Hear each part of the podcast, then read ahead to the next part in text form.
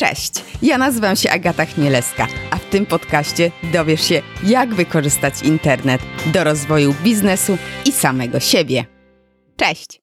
W tym odcinku podcastu rozmawiam z Bartkiem Czekałą. Rozmawiamy o tym, jak rozkręcić biznes w internecie, jak to robić dzięki blogowi i o czym należy pamiętać, aby odnieść sukces w tym temacie.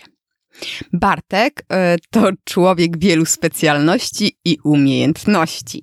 Swoją pasję e, do zgłębiania wiedzy o sposobach nauki i systemach pamięciowych wykorzystuje do zarabiania na kilku płaszczyznach. Po pierwsze, uczy ludzi, jak się uczyć. Trochę masło maślane, ale tak jest. E, no i po drugie, sam się uczy, by jeszcze więcej uczyć innych. Co ciekawe, swoją przygodę z biznesem online e, rozpoczął od razu globalnie, pisząc najpierw bloga po angielsku, a następnie mm, stworzył kurs internetowy skierowany właśnie do osób anglojęzycznych, choć Polacy też z niego korzystają, e, w tym ja. No i właśnie o tym, o tym blogu, o tym kursie, o tym zarabianiu e, w internecie rozmawiamy z Bartkiem. No i co? Zapraszam Cię do słuchania. Cześć! Poznaliśmy się dzięki y, Dawidowi z podcastu charyzmatycznego i w sumie waszemu y, zakładowi odnośnie jego naumienia się języka niemieckiego. No i, Zgadza się. i właśnie wcześniej y, też słuchałam ciebie w jego podcaście i tam rozmawialiście o nauce języków obcych. Ja jednak chciałabym ciebie troszeczkę podpytać, o tym, jak, no w sumie jak zarabiać dzięki y, blogowaniu, no ale nim przejdziemy do, do tego obszernego tematu, to tak. powiedz coś o sobie. A, więc e, zacznijmy od tego, że ja nazywam się Bartosz Czekała. Zawodowo zajmuję się przede wszystkim pamięcią i bym powiedział pamięcią w kontekście szybkiej nauki i języków obcych i szybkiego zdobywania wiedzy eksperckiej z różnego rodzaju dziedzin. To by był jakby główny, e, główny obszar, na którym się koncentruję. Prowadzę um, stronę angielską o, o, tej tematyce, czyli jeszcze raz, jakby szybka nauka, szczególnie um, języków obcych i od jakiegoś mhm. roku i pół, jeśli mnie pamięć nie myli, e, stronę również polską o, o tej samej tematyce. Mhm. Ale to jest jedna strona w dwóch wersjach językowych, czy to są dwie osobne strony? To są, to są dwie osobne strony. Także, żeby się nie nudzić, to po prostu um, jeden artykuł pisze na przykład o jednej tematyce na, na jedną stronę, potem kolejny na drugą. Generalnie one się, one się nie dublują. To też wydaje mi się, że szczególnie Polacy oczywiście mają z tego uciechę, bo, bo po prostu mogą korzystać z obu źródeł. Tak, ale to najpierw zacząłeś anglojęzyczną, tak? Anglojęzyczną stronę prowadzić? Tak, tak, zdecydowanie, e, ponieważ no, mm, przyświecał mi cel mocno biznesowy, tak? Wiadomo, że ponieważ e, strona jest skierowana przede wszystkim do native speakerów języka angielskiego, czyli na przykład Amerykanie, Australijczycy, e, czy Anglicy i tak dalej, to po prostu no, e, od początku idea e, zarobienia większych pieniędzy jakby przyświecała temu, że lepiej zacząć od wersji angielskiej, chociaż na pewno no, dużo ciężej zaistnieć na tym rynku, szczególnie jeśli nie jest się osobą, która no, urodziła się jako native speaker języka angielskiego. No to chyba dużej odwagi naprawdę i takiego samozaparcia wymaga. Jak w ogóle, no jak to się u ciebie zaczęło? Jak wyglądało rozkręcanie te, te, no, zagranicznej strony tak naprawdę? Szczerze mówiąc, po tylu latach nawet dokładnie nie pamiętam jakby e, co A było... ile to lat? Co, co było katalizatorem. Wydaje mi się, że na obecną chwilę to jest na pewno już 5 lat o. Nie, 6, 6 na pewno nie. Wydaje mi się, że zacząłem w marcu albo kwietniu 2014 roku. Okej. Okay. To, to był sam, sam początek. E, to był mniej więcej e, chwilę przed tym, jak e, ewakuowałem się z ostatniej swojej, czy właściwie z ostatniej, z jedynej i ostatniej jednocześnie swojej korporacyjnej pracy. Stwierdziłem, że chyba, chyba nie jestem stworzony do, do tego rodzaju stanowisk i stwierdziłem, a spróbujmy, spróbujmy po prostu zająć się tym, co mi się podoba, to znaczy właśnie e, nauczanie języków, nauczanie tego, jak się uczyć i no, jakby strona była z, e, częścią tego pomysłu. Wydaje mi się, że przeczytałem, e, przeczytałem jakiegoś bloga na pewno, ponieważ ogólnie bardzo dużo czytam i w pewnym momencie, jak, jak przeskakiwałem z różnych z tematu na temat, trafiłem na jakiegoś bloga marketingowego i w tamtym momencie nie wiedziałem o marketingu praktycznie nic internetowym. W teorii zajmowałem się tym troszeczkę w jednej firmie z branży automatyki przemysłowej, zanim zacząłem pracować w korporacji, ale to była, bym powiedział, taka szczególnie z perspektywy czasu mocna amatorka. Na zasadzie przeczytałem książkę czy dwie i coś tam się udawało, coś tam robiłem, ale to nie było nic poważnego. I bo wtedy bodajże właśnie szukałem jakichś bardziej specjalistycznych informacji. I trafiłem na jakiegoś bloga. Nie jestem pewien, czy to nie był e, właśnie blog e, Nila Patela. E, mhm. I dla mnie to była straszna ciekawostka, że istnieje taka forma biznesu, że są specjaliści w swoich dziedzinach, mhm. którzy po prostu piszą artykuły z danej dziedziny, przykuwają jakby uwagę publiczności w ten sposób, zbierają adresy mailowe i potem jakby rozprowadzają jakieś swoje usługi, produkty e, i w ten sposób zarabiają pieniądze. Dla mnie to było takie, no, powiedział, mocno szokujące, mhm. bo jak na tamten moment moje skojarzenia, jeśli chodzi o zarabianie w internecie, czy przez internet, z domu, E, były raczej takie no, różnego rodzaju szemrane mm -hmm. strony, gdzie gdzieś tam klikniesz jakiegoś linka, czy coś takiego, czy może nie wiem, jakieś zlecenie gdzieś tam przyjąć, że człowiek siedzi w domu i długopisy skręca. E, no, nie, nie było to na pewno nic wysokich lotów, stąd pamiętam, że ta idea mnie bardzo mocno zafascynowała. Że można nie wychodzić z domu, czy właściwie być w dowolnej lokacji i wciąż zarabiać pieniądze.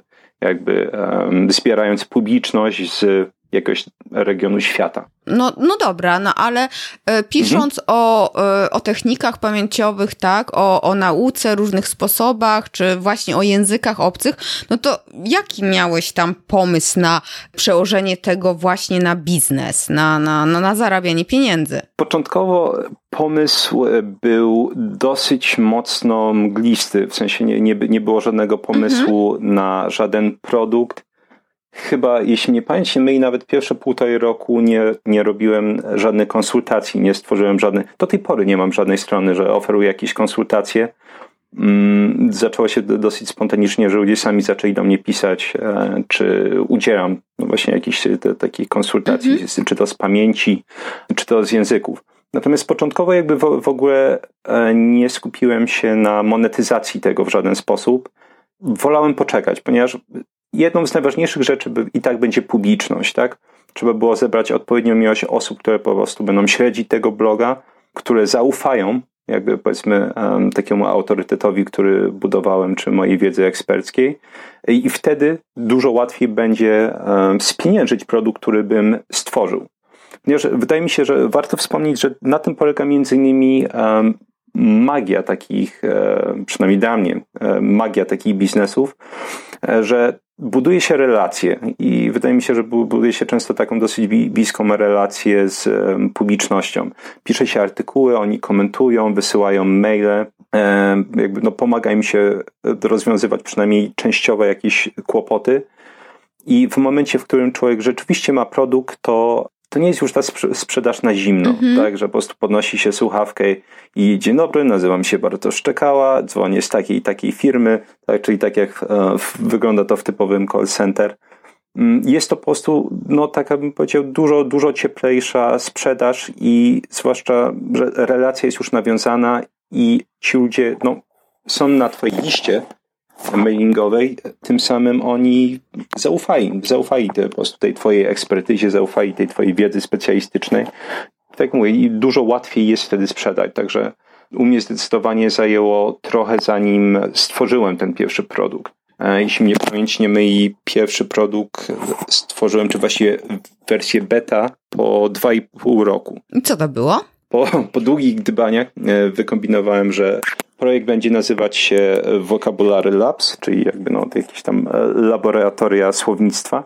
E, I będzie to kurs, który będzie pomagać uczyć się języka, ale przynajmniej na tamten moment z dosyć dużym naciskiem na zapamiętywanie um, słownictwa w bardzo szybkim tempie. Mm-hmm. Że, że zamiast zamiast tracić, e, tak często jak są klasyfikacje poziomów, że na przykład, żeby dojść na poziom B2 trzeba jeść tam setek, albo nawet jeśli chodzi o takie dosyć bardziej złożone języki, 2000 czy 3000 godzin, żeby po prostu obcinać ten czas o 3, 4, czy jakąś pięciokrotność. I pamiętam, ten kurs chyba sprzedałem na początku całym 13 czy 14 osobom. Oczywiście jakby to nie, było, nie była pełna sprzedaż, ponieważ napisałem, że interesuje mnie tylko mała grupa osób mhm. i wziąłem od jednej osoby zawrotną kwotę wtedy chyba 30 dolarów. O. tak. to tyle, tyle, tyle kosztowało, czy powiedzmy jakiś tam e, wtedy w przeliczeniu chyba wyszło 100, 100 zł od łebka. No co i tak było, szczerze mówiąc, e, na, na pewno takim e, miłym akcentem, że nie wiem, zarobiłem tam chyba jakieś półtorej tysiąca złotych dzięki temu i było, kurde, ale to przez internet. Ja wysłałem tylko maila, a ci ludzie powiedzieli, tak, tak, tak, tak, jestem chętny, zgłaszam się, to brzmi świetnie i no takie e, przyjęcie było bardzo entuzjastyczne, a ja z kolei byłem tak przerażony, sygnalizowałem w mailu, że chcę wasze pieniądze, ja wam pomogę, no bo tak właśnie po, po, powinienem był to rozpatrywać, że to jest na zasadzie pomogę wam, mhm. tak? Przyspieszę, e, przyspieszę wasze tempo nauki, nie wiem, zmienię wasze życie na lepsze. A u mnie w głowie jakoś to cały czas było, no taka, nie wiem, jakby wymuszenie, może chyba tak to traktowałem i wysłałem tego maila, pamiętam, i zamknąłem komputera i z wypiekami wyszedłem z domu. Na parogodzinny spacer stwierdziłem, nie jestem w stanie siedzieć i śledzić tych spływających maili, zwłaszcza, że u mnie w głowie te maile wyglądały tak, że wiedziałem, że jesteś sprzedajny i tak dalej, i tak dalej, nienawidzę cię, wypisuję się z listy, same negatywy, po prostu nie miałem jakoś w głowie specjalnie tego, że to będzie wow, super pomysł, tak, jestem jak najbardziej za, że siedzę twój blog od tam dwa, czy dwóch, czy prawie trzech lat um, i strasznie mi pomógł. Nie, u mnie w głowie to było same negatywy i dlatego stwierdziłem, że nie będę nie, nie będę obserwować na bieżąco tych, tych wszystkich e, hejtowych maili i idę na spacer. Ale ten kurs e, był w języku angielskim, tak? Tak, tak jest, tak jest. Ten, ten kurs e, z miejsca jakby był w języku angielskim. A prowadząc właśnie, to jeszcze wracając przed tego kursu, mhm. tylko jeszcze do tego bloga, bo tak mnie zastanowiło, jak mówiłeś o tym, że ktoś tam komentował, że wchodzi się w interakcję, fakt, i to jest prawda. A czy mhm. widzisz jakąś różnicę pomiędzy czytelnikami, odbiorcami polskimi, a e, zagranicznymi, anglojęzycznymi, bo ja e, widzę, że tak w Polsce kiedyś komentowało się, komentowało, a teraz to już tak coraz mniej, coraz mniej i jestem ciekawa, jakie ty masz porównanie takie, prowadząc e, no, mhm. dwa dwa blogi, dwie strony. Wiesz to, jest, jest to ciekawe, bo to pokrywa się z moimi obserwacjami. W sensie nie spodziewałem się żadnej różnicy. To nie była jakaś zależność, której poszukiwałem aktywnie, ale tak mnie zastanawiało, że no, że tak powiem, te artykuły na polskim blogu um, zacząłem pisać no, w momencie, w którym byłem jakoś, powiedzmy, pisarsko wyrobiony. Też miałem no, dużo większą wiedzę niż jak, jak zaczynałem na przykład pisać tą stronę angielską. I wydawało mi się, że no, nie wiem, no, jakieś te komentarze, mimo że ta strona dopiero się jakoś rozwija, się posypią, jakieś będzie, będzie aktywne uczestnictwo w tej naszej małej wymianie wiedzy, ale nie, nie. E, komentarzy nie było prawie żadnych. Do tej pory większość komentarzy um, jakie mam tam na stronie, to jest albo z wykopu, o. ponieważ parę razy ktoś tam, ktoś tam wykopał um, jakieś moje artykuły. Jed, jeden o tym, dlaczego nie warto czytać e, wiadomości. Nie wiem, tam chyba 15 tysięcy osób w dwa dni um, weszło. Wow. I z tych 15, i to, i to świetnie pokazuje. To świetnie pokazuje um, to, o czym mówisz. Z tych 15 tysięcy osób skomentowały chyba dwie czy trzy A. artykuły.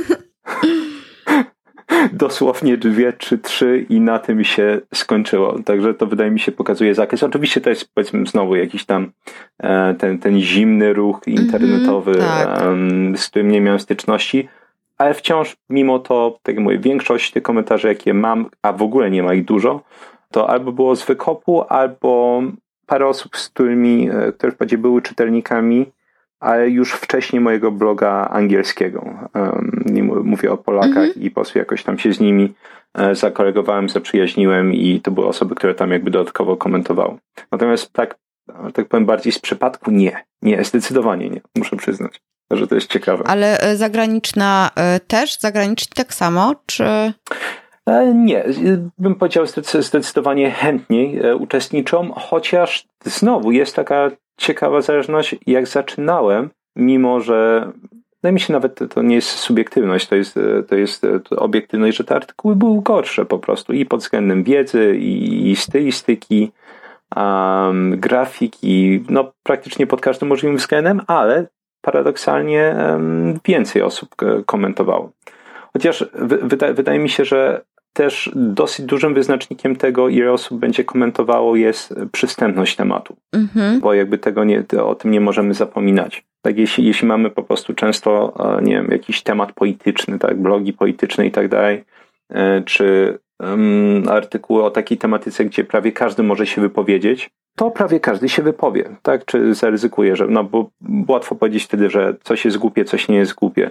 Tak. E, w momencie, w którym ja dosyć często powołuję się na mnóstwo różnego rodzaju badań, czy że tak powiem, te, te moje opinie są dosyć mocno podparte jakimiś właśnie odniesieniami do badań naukowych i tak dalej, to te komentarze nie masz ty. E, I wydaje mi się, że to jest po prostu powiązane z tym, że no, to, nie, to, to nie są komentarze, które, które często można zamknąć, że na zasadzie, nie wiem, fajne albo, albo niefajne. Mhm. Wydaje mi się, że tak, to, to, to mógłby być potencjalnie jeden z, jeden z powodów. No dobrze, ale to zobacz, Mhm. E, znam się na czymś, tak? No, niech będzie to nauka języków albo nie, coś innego. Nie, mhm. nie, no nie wiem, załóżmy dietetyka, zdrowe odżywianie. Ja sobie myślę, dobra, ja zacznę zarabiać na, przez internet, otworzę bloga i mhm. hura, no, tak to nie jest, oboje wiemy. I jak do tego najlepiej się zabrać? Czy właśnie na podstawie tego, jak ty to zrobiłeś, czy e, tego, czego się nauczyłeś i jakbyś na przykład inaczej zrobił? Mm. Czy masz jakieś takie swoje wnioski i, i obserwacje? Pewnie, e, pewnie. Ja, ja bym powiedział, zrobiłem mnóstwo rzeczy dobrze. Zdecydowanie więcej rzeczy robiłem od początku dobrze niż e, źle. I prawdopodobnie jedna z najważniejszych rzeczy, która jakby zadecydowała, że u mnie ta strona się e, rozwinęła i rozwinęła się no, taki no, pełnoprawny biznes przynoszący mi się bardzo dobre pieniądze, jest to, że ja nie wskoczyłem w to na hip hip hura. To znaczy, że nie, nie, nie było jakby tego momentu, że powiedziałem, a, okej, okay, czyli nie wiem, Neil Patel czy, czy inni jacyś autorzy amerykańscy mają swoje strony i ja widzę, że oni na przykład publikują artykuł, że jak zarobiłem, nie wiem, 100 tysięcy dolarów przy sprzedaży jednego kursu internetowego, tylko zacząłem się zastanawiać, ok, jak do tego podejść, żeby to mogło wypalić. Ponieważ wydaje mi się, że to jest olbrzymi kłopot z, ogólnie z biznesem i, i, i tu na pewno jest mnóstwo jakichś tam paraleli między biznesem internetowym i biznesem ogólnie. Dosyć mhm. często jest tak, że ktoś ma pomysł i od razu niego wskakuje. Jest tak zakochany w swoim pomyśle, e, że nie ma tutaj jakby żadnego planu, nie ma myślenia krytycznego, nie ma no, praktycznie, um, bym powiedział ogólnie żadnego planu i pomyślunku, tak? To znaczy to jest na hip hip hura wskakujemy, no bo przecież trzeba działać. I pewnie, że działanie jest ważne, ale najpierw ważne jest mieć plan tego działania. I na pewno jeden z, jeden z takich podstaw to jest po pierwsze wiedzieć mniej więcej, o czym będziemy pisać. Oczywiście, jeśli tutaj, za, za, czy e, o jakiej tematyce będzie to blog czy strona. Oczywiście, jeśli założymy sobie, że my już mamy przynajmniej ogólnie tematykę dobraną, to już nam odpada. E, to kolejnym krokiem by było e, określenie, przynajmniej w przybliżeniu, grupy docelowej. Tak, to znaczy, komu my potencjalnie będziemy sprzedawać ten kurs. I warto nakreślić to przynajmniej e, jakoś pobieżnie. Tak nie wydaje mi się, żeby od samego początku można było to świetnie nakreślić, ale można mniej więcej e, mhm. tego dokonać. Znaczy można pomyśleć, ok, czy na przykład e, obchodzą mnie, nie wiem, młodzi ludzie wchodzący w, dopiero na rynek pracy, którzy będą uczyć się języków obcych czy pamięci, albo na przykład w twoim przypadku zajmujesz się dietetyką. Czy, czy interesują cię na przykład kobiety w średnim wieku, czy młode kobiety, które na przykład, nie wiem, ma, mają kłopoty z tarczycą, chodźmy. I tak mhm. tak dalej, i tak dalej. Tak? Ponieważ owszem, wszystkie te grupy są zainteresowane jednym, ale inaczej będzie jakby tworzona treść przekonująca te osoby e, do twojej ekspertyzy potencjalnie. Ponieważ jakby, no, mhm. powiedzmy, kobiety w średnim wieku będą zainteresowane często no, czym innym niż, nie wiem, powiedzmy jakieś tam dwudziestoparolatki, które po prostu może, może tymczasowo zmagają się z jakąś większą tuszą. Tak, mhm. ja pamiętam, że gdzieś, gdzieś czytałem, e, już nie pamiętam u jakiego um, specjalista od marketingu, który ładnie to ujął, że na przykład no, często e, u, u, właśnie starszych kobiet to jest e, jeden z takich świetnych tekstów, czy nie wiem, jakiś tam fraz, które można użyć, czy to do sprzedaży kursu, czy do napisania artykułu, jest, że a nareszcie na przykład zmieściłam się z powrotem w jeansy z liceum. Tak? No to jest no tak. do tej pory tak tak mi to utkwiło w pamięć, bo to jest no po prostu genialne, tak? Świetnie po prostu dopasowuje się do grupy docelowej. Mhm. I oczywiście e, grupa docelowa, no właśnie, chodzi o to, czy to będą powiedzmy bardziej kobiety, czy bardziej mężczyźni, tak? I jaka to będzie grupa wiekowa dokładnie, czy właśnie raczej osoby młodsze w średnim wieku, czy seniorzy. Generalnie na pewno złotą zasadą, e, którą często się powtarza, jest zadać sobie pytanie, czy ta grupa docelowa ma pieniądze. No tak. Bo to jest bardzo ważne. Często do, dosyć słyszę o, o, pomysłach, że ktoś chce na przykład e, kierować produkty w stronę studentów, uczniów, albo właśnie, nie wiem, seniorów. Oczywiście nie, nie znaczy, że to jest skazane na porażkę, ale to jest na 80-90% skazane na porażkę, ponieważ pytanie, czy ci ludzie mają pieniądze. Mm -hmm. Tak? A tak. najczęściej jest odpowiedź nie. Pytanie, jak drogi byłby produkt, który ja potencjalnie mógłbym sprzedać e, studentom? I odpowiedź mm jest no mhm. prawdopodobnie bardzo niedrogi, co jakby no zaczyna podminowywać trochę jakby no, sens biznesu, tak? Bo muszę wtedy sprzedawać mnóstwo tych produktów. Oczywiście są wyjątki, bo też oczywiście musimy wiedzieć, no, co będziemy sprzedawać. Czasami czasami warto celować w ten rynek masowy, tak, gdzie powiedzmy nasz produkt będzie tańszy, czyli 30, 40, 50 zł i będziemy wiedzieć, że potencjalnie jest olbrzymia grupa docelowa tych osób. Ale pomijając, tak jak mówię, te skrajne przypadki, warto wiedzieć, komu będziemy sprzedawać te produkty i czy te osoby będą mieć e, pieniądze. Mm-hmm. Mogę wspomnieć ze swojego e, doświadczenia, że e, mimo, że do tej pory ja bardziej celuję w osoby, bym powiedział, z takiego pułapu jakiś 25, 35, 37, czy może do 40 i to, to są głównie faceci.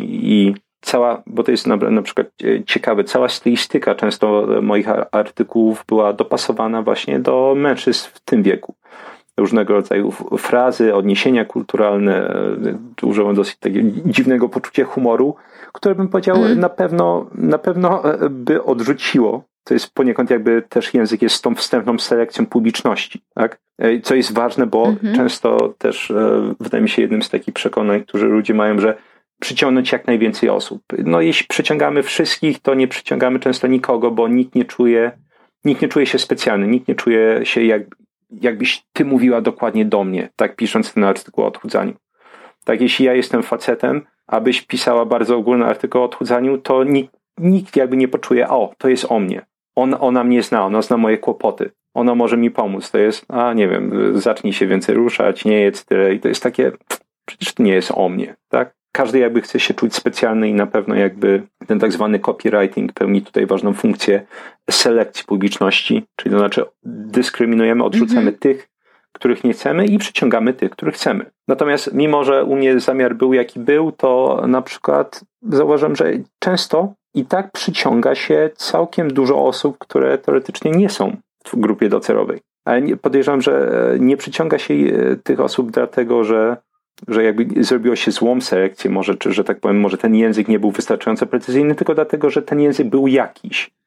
Znaczy, to nie było jakieś nijakie pisanie, to właśnie, nie wiem, e, są osoby, oczywiście, nie wiem, po 40, 50, ba, mam, mam sporo kursantów po 60 i to nie tylko ze Stanów Zjednoczonych, nawet z Litwy, na przykład na tym moim e, kursie e, angielskim i coś ich przyciągnęło. Prawdopodobnie coś, znaleźli coś dla siebie, jeśli chodzi o poczucie humoru, może język był wystarczająco specjalistyczny, ale potencjalnie właśnie zarzucenie tej węższej sieci nie znaczy, że nie przyciągniemy nikogo innego, tylko że przyciągniemy przede wszystkim tych, których chcemy przyciągnąć i też osoby, które mimo na przykład tego, że powiedzmy wiekowo czy płciowo się nie wpasowują naszą potencjalną czy tą e, wstępną grupę docelową, to i tak coś w tym e, stylu pisania, e, który ty reprezentujesz, odnaleźli dla siebie. No dobrze, mamy grupę docelową i co dalej? Co dalej? Jeśli mamy grupę docelową i wiemy, czym się zajmujemy, to war, warto zacząć zastanawiać się, co my możemy potencjalnie stworzyć, co możemy zaproponować takim osobom. I jest tu, no, jest, jest mnóstwo technik, jak się za to zająć i szczerze mówiąc, może nie bardzo siedzę tego, co się dzieje w polskim świecie marketingu. E, nie jestem pewien, jak bardzo one są znane, ale są świetne sposoby. Pierwszy to był, byłby na przykład googlowanie po prostu. Czyli jeśli, mhm. E, jeśli chcesz stworzyć, powiedzmy, produkt o odchudzanie i już wiesz, że kobiety w średnim wieku, nie wiem, powiedzmy, E, może jakieś tam 40-55, to jest twoja e, grupa docelowa, czy nie, może jakieś 43-55, mhm. to teraz zaczynamy szukać jakichś źródeł informacji o tym, co te osoby chcą, na co narzekają, jakiego języka używają. Znaczy, szukamy tych e, jakichś wodopojów, jak, jak to się czasami mówi. Gdzie takie osoby przebywają? No i oczywiście są jakieś tam e, strony stricte, to mogą, no, może, może być nawet twoja konkurencja potencjalna. Mhm. Są stro, jakieś strony e, dla kobiet czy, czy fora i po prostu poszukać jakichś tam tematów, przykładowo, gdzie te kobiety wypowiadają się o odchudzaniu i dokładnie jakich fraz używają. E, na to trzeba zwrócić uwagę i to trzeba zapisywać. To jest ciężko podkreślić, jak bardzo to jest ważne, a jak niezmiernie często ignorowane w, w tym copywritingu. E, mianowicie, jeśli na przykład zauważyłabyś, że jakaś kobieta na tym forum właśnie mówi, że o Boże, ile ja bym dała, żeby zmieścić się w jeansy z liceum. Mm. No przecież to jest świetne. To jest, to jest, że tak powiem, prawdziwy jakiś e, wyraz frustracji. Tak, to, to przemawia. Bardzo często my, myślę, no ty siedzisz stricte w tym świecie marketingu. Jestem ciekawy, e, co o tym myślisz, ale dla mnie dosyć często przekazy marketingowe mhm. polskie są dużo bardziej suche i bezosobowe niż te amerykańskie e, choćby. Mianowicie często to jest, jesteśmy firmą o długim stażu i specjalizujemy się w i czasami ma to uzasadnienie, ale bym powiedział raczej rzadko kiedy. E, wiesz co, ja zauważam taki mm, przekaz, typ przekazu e, w markach, które e, zbudowały jakąś tam mm, pozycję w świecie offline'owym, mhm. ale nie czują się zupełnie jeszcze w świecie online'owym. Próbują, ale ten przekaz, ta komunikacja dalej jest dla nich jednokierunkowa. Mhm.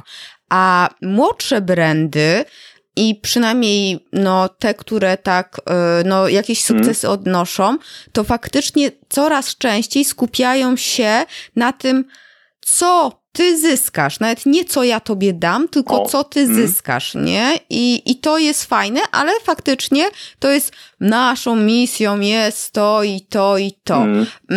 My damy ci to i to i to. Tak. My robimy to i to i to. No właśnie to nie jest to. Tak, no, no, nawet e, e, dosyć często staram się śledzić, no powiedzmy jakąś tam moją konkurencję. E, może, może jak chodzi mi o szkoły językowe, te, te mhm. fizyczne jak Profingu, a Empik i tak dalej.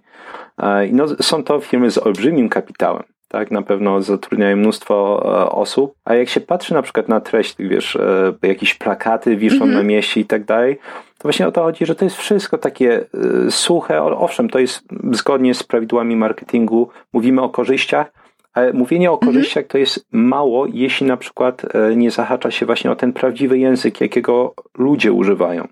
Że na przykład te prawdziwe frustracje, prawdziwe kłopoty, nie tak jak komuś się wydaje, że a, chyba tak ktoś by o tym napisał. Nie, właśnie warto znaleźć te prawdziwe wypowiedzi osób. Ja na swoich sekwencjach tych automatycznych sprzedażowych i na stronie sprzedażowej na przykład e, po prostu cytuję wypowiedzi osób, które do mnie um, pisały. I na przykład jedna, jedna z takich wypowiedzi, um, nie, nie pamiętam niestety imienia te, tego kursanta, ale mówił mniej więcej tak, że wiesz co, mam 40 parę lat. Przez większą część życia um, pracowałem w jakby branży nuklearnej. Jakby mm. jestem technikiem, e, nigdy nie miałem kłopotów z nauką i tak dalej. A jeśli chodzi o języki, ja rozumiem, ile można się uczyć, ile można się uczyć regularnie, ile można słuchać, ile można czytać. I w końcu zadaję sobie pytanie, czy ja nie jestem, za przeproszeniem, ku debilem i po prostu coś takiego dam na stronę. Bo Owszem, to może kogoś jakby spulwersować. E, oczywiście jakby tam jest wykropkowane te przekleństwo, bo szczerze mówiąc przekleństwa Nawet jeśli ktoś od nich nie stroni, to częściej jednak więcej osób odepchną niż przyciągną. Ale wydaje mi się, że przekaz dla osób, które na przykład czytają taką stronę sprzedażową czy tego maila jest bardzo ciekawy. W zasadzie, kurde, tak, no ja, ja to samo sobie myślę, nie wiem, ukończyłem studia, na przykład, nie wiem, mam, pracuję jako menadżer i tak dalej, ale czy ja nie jestem debilem, że nie wiem, po 10 latach nie gadam po angielsku płynnie? I to jest ta prawdziwa frustracja. To jest, to jest coś naprawdę, wydaje mi się, co, co może poruszyć osobą, która będzie czytać e, taką treść marketingową w przeciwieństwie do, jeśli jesteś osobą, która od wielu lat uczy się angielskiego i wciąż nie osiągnęła sukcesu, to mamy dla ciebie super ofertę. To jest, hmm, nie, no może nie czuję się specjalnie przekonany tutaj. Tak, i to właśnie jest fajne w takich mniejszych biznesach, gdzie mhm. faktycznie łatwiej ci jest nawiązać taką bliższą interakcję z klientem niż na przykład takiej Coca-Coli, tak? Gdzie e, oprócz tego, że są ogromne tak. budżety, które trzeba wydać, to jeszcze jest multum ludzi i, i od Facebooków i innych rzeczy ma się agencje hmm. zewnętrzne, nie? Co już jest zupełnie, no, bardzo trudne nawiązać taki kontakt. Hmm. No i, i, i tak oni, uważam, wszystkie te to... firmy to robią mhm. taką świetną robotę. Bo na, na przykład oni celują, oczywiście nie są w stanie wycelować jedną kampanią e, w całą jakąś swoją grupę e, docelową, ale oni często tak. robią ciekawą rzecz, że robią wiele kampanii i każda jest skrojona dla kogoś. Na przykład Nike mnie niezmiernie fascynuje, że oni na przykład mają kampanię, która, nie wiem, jest na dla osób, e, które czują się jakieś nie wiem, poszkodowanych, niepełnosprawnych, może, może zietują nie, nieposzkodowanych, ale inne. Um, tak. Że może nie wpasowują się tak dobrze w resztę społeczeństwa. Potem na przykład jest inna kampania dla kobiet, inna kampania dla ludzi, którzy znajdują zacięcie i jest mnóstwo tych przecież filmików motywacyjnych Nike, choćby na, na YouTubie. I każda kampania, że tak powiem, uderza w inną część grupy docelowej i pomaga jakby przyciągnąć te osoby, żeby się, no właśnie, ty się z nami identyfikuj i to jest coś dla ciebie, żeby się mógł z nami identyfikować. A to jest dla ciebie. A to jest dla ciebie. To jest na, na przykład tak, taki, a... no, jakby segmentowanie tych, tych grup docelowych poniekąd, a jednocześnie ściąganie ich potem w, w całość. Tak, ale to trzeba umieć, nie? I to y, trzeba przemyśleć, a nie iść tylko tym, że musimy dotrzeć do tak. skupianie się, nasza grupa docelowa i wiesz, widzenie tylko jednej dużej masy mm. i myślenie o tym, jak y, wydać te, ten budżet, a faktycznie pomyśleć o tych różnych grupach, tu, do których możemy dotrzeć, mm. nie? I personalizowanie tego przekazu. Mi się wydaje, że um ponieważ mówimy jakby o nas, o, o nas maluczkich, że w, peł, w pełni się zgodzę, absolutnie się zgodzę, jeśli chodzi o, o duże firmy, ale co właśnie, jeśli my jesteśmy jakąś no, tą maluczką osobą, która chce stworzyć swój biznes i pytanie, od czego mielibyśmy też zacząć. I właśnie warto zacząć od e, no, dosyć mocno szczegółowej oferty, e, bo to jest jakiś sposób, żeby jednak wyróżnić się na tle konkurencji. Także jeśli jest mnóstwo firm, które na przykład funkcjonują od 10, 15, 20 lat na rynku i oni mają olbrzymią pulę produktów e, czy usług, no to nam dużo łatwiej będzie się wybić, jeśli my zaczniemy od bardzo wąskiej jakby specjalizacji. Bo wtedy dużo łatwiej jakby wybijemy się umysłowo na tle tych wszystkich innych rzeczy. Będzie, a tak, że na przykład Przecież Bartek zajmuje się, czy to jest, nie wiem, jedyną firmą, jakiej słyszałem, która zajmuje się jakby nauczaniem języków w oparciu o systemy pamięciowe. To jest na, na przykład mhm. jakby powiedzmy ten, ten mój przekaz marketingowy. I pytanie, czy ja mam konkurencję? No, no nie, nie bardzo. Potem natomiast jeśli będę chcieć rozwinąć e, ofertę, e, co na pewno będę robić, nie wiem, jakieś kursy produktywności, kreatywności, to będzie mi dużo łatwiej, bo jakby ja już zaistniałem w świadomości ludzi, mam jakieś grono klientów, którzy są zadowoleni i dużo łatwiej potem tym samym klientom na, na przykład proponować e, kolejny produkt. Powiedzą, a wiem, że to jest od niego i to jest wysokiej jakości, niż jakbym po prostu zaczął z siedmioma produktami, czy celował w e, praktycznie, no właśnie, jedna płeć, druga płeć i praktycznie wszystkie grupy wiekowe. Warto do tego dążyć i trzeba do tego dążyć wraz z rozwojem firmy, no bo oczywiście to jest, to jest jeden z najlepszych sposobów maksymalizacji dochodu. Natomiast warto zacząć, wydaje mi się, od dosyć wąskiego poletka, bo wtedy dużo, mhm. dużo łatwiej przyciągnąć klienta, e, bo on będzie wiedział, a ja jestem tą osobą, która ma ten dokładny kłopot, jednocześnie E, no, jeśli chodzi o, o, o, finanse, dużo łatwiej jednak więcej wziąć, bo to jest już bardziej specjalistyczna usługa. Tak, i też się uczysz na mniejszej tak, grupie, nie? Tak. Ja wprawdzie sobie jakoś wymyśliłem tutaj, nie wiem, to odchudzanie dla osób z kłopotami z tarczycą. Podejrzewam, że pewnie takie usługi istnieją, ale pytanie, jeśli byśmy teraz wygooglowali, czy jest dużo takich osób, które pomagają osobom z tarczycą, z kłopotami z tarczycą, jakimiś dysfunkcjami, Prawdopodobnie nie. I jestem pewien, że po prostu dużo łatwiej byłoby na przykład zacząć e, biznes powiązany z odchudzaniem choćby od takiej grupy, bo po prostu wtedy możemy i wziąć więcej i te osoby wiedzą, że my mamy specjalistyczny produkt, że to nie jest ogólny produkt o odchudzaniu, tylko właśnie specjalnie do osób z takim no, kłopotem. To nawet jeżeli taki jest, to a my czujemy, że faktycznie mamy coś w tym temacie do powiedzenia, to warto sobie też zrobić taką analizę. Okej, okay, ta osoba mówi tak, e, załóżmy, ta osoba ma inną, załóżmy tutaj metodologię, czy inne spojrzenie na temat, znaleźć takie wyróżniki, jeszcze na tej podstawie przemyśleć, czy my faktycznie możemy dotrzeć do, do innych osób, czy, czy lepiej po prostu się wycofać i nie zaczynać, nie? Zawsze jeszcze, nawet jeżeli jest ta konkurencja, to, to zastanowić się, jak, na ile jest silna i na ile my mamy jeszcze mm. pole do działania. Tak. To jest ważna rzecz, jeśli chodzi o konkurencję. Zanim, zanim właśnie, no wiadomo, że trzeba wiedzieć, czy mamy konkurencję, czy nie, zanim zaczniemy tworzyć jakiś produkt. Natomiast wiele osób się e, cieszy w momencie, kiedy widzą, że konkurencji nie ma. Zauważyłem na zasadzie, że u, ja, wiesz co, mam ten pomysł mm. i sprawdziłem i nie ma w ogóle konkurencji. No to super, to jest po prostu droga do milionów jest, jest bardzo krótka, to jest mm. kwestia dwóch lat. Natomiast często kłopot jest taki, jeśli do tej pory nie ma konkurencji, to jest albo to jest bardzo, bardzo innowacyjny produkt, albo ten produkt jest najzwyczajniej w świecie dosyć gówniany i po prostu nikt go nie kupi. Tak. I e, do tej pory pamiętam, bo miałem taki ubaw z mojej mamy, Gdzieś, gdzieś tam um, przyjechałem, przyjechałem ją odwiedzić i z wypiekami na twarzy mi e, opowiada Bartuś, słuchaj, ja ostatnio byłam u tej swojej znajomej psychologii, tak sobie gadałyśmy przy winku i myślimy, kurde, wiemy już jaki biznes otworzyć, nie ma żadnej konkurencji, po prostu bylibyśmy pierwsi na rynku, byśmy stworzyli sieć ty, takich no, salonów, ja mówię, no okej, okay, to czekaj, jakich salonów? E, moja mama z zawodu jest kosmetyczką. Mhm. I moja mama wpadła z tą panią psycholog na pomysł, że e, otworzył jednocześnie e, gabinet psychoterapii i kosmetyczny w jednym. Że na przykład moja, moja mama by, by robiła komuś jakieś zabiegi oczyszczania mechanicznego, a w międzyczasie pani psycholog by siedziała z boku i pytała się na zasadzie, a więc kiedy to wszystko się zaczęło? Wiesz, dwa w jednym. Może w Warszawie by się to sprawdziło w Mordorze na przykład, wiesz, zabiegani wszyscy. Mo, może, mo, może, prawda, to nie, nie można wykluczyć, ale o to chodzi. Wydaje mi się, że to jest jeden z tych akurat pomysłów, których, no, brak konkurencji wskazuje na to, że prawdopodobnie nie jest to specjalnie dobry pomysł. Wiesz, jakby jeszcze to połączyły przez Skype'a, to by było jeszcze w ogóle, no.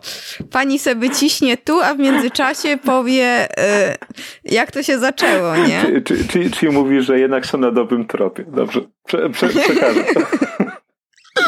może wiesz, jakaś aplikacja, coś, to zawsze jako placebo zawsze może zadziała, nie? Nie, znaczy, wiesz co, jest, w, w tym naszym śmiechu jest trochę prawdy. E, wydaje, wydaje mi się, że e, to bardziej byśmy tutaj wchodzili na jakieś tam bardziej e, te, te tory kreatywności, ale nie uważam, że powinno się jakby zestrzelić pomysł z miejsca tylko dlatego, że no, pierwsze, pierwszy, pierwsze wrażenie jest takie, że to jest jakaś niedorzeczna myśl albo no, zupełnie głupia idea. Dosyć często jest tak, że mm-hmm. można zacząć od absurdalnej idei, a potem, że tak powiem, po prostu jakby tak iteracyjnie dodawać kolejne rzeczy, które może właśnie jakąś dopieszczą ten pomysł i uczynią go, nie wiem, bardziej realnym i tak dalej.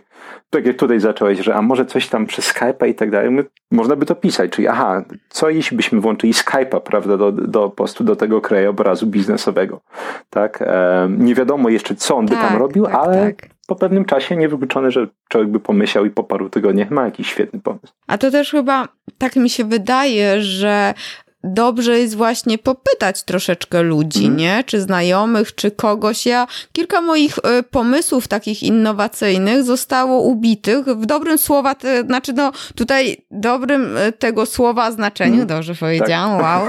E, I ubitych, tak? Bo faktycznie to teraz wiem, że to nie miało sensu, ale ja byłam taka zajerana, tak, tak, tak, mm. już, a po prostu no zadano mi kilka pytań i mówię, kurczę, faktycznie trzeba jeszcze to przemyśleć. Mm. No właśnie tak, to jest, to jest to, o czym wspomniałem na początku, że my bardzo łatwo zakochujemy się w swoich pomysłach. Um, i, i, I to jest na pewno wielki kłopot. Chociaż z drugiej strony, właśnie to jest, wydaje mi się, taka dosyć cienka linia, e, między którą trzeba jakoś lawirować.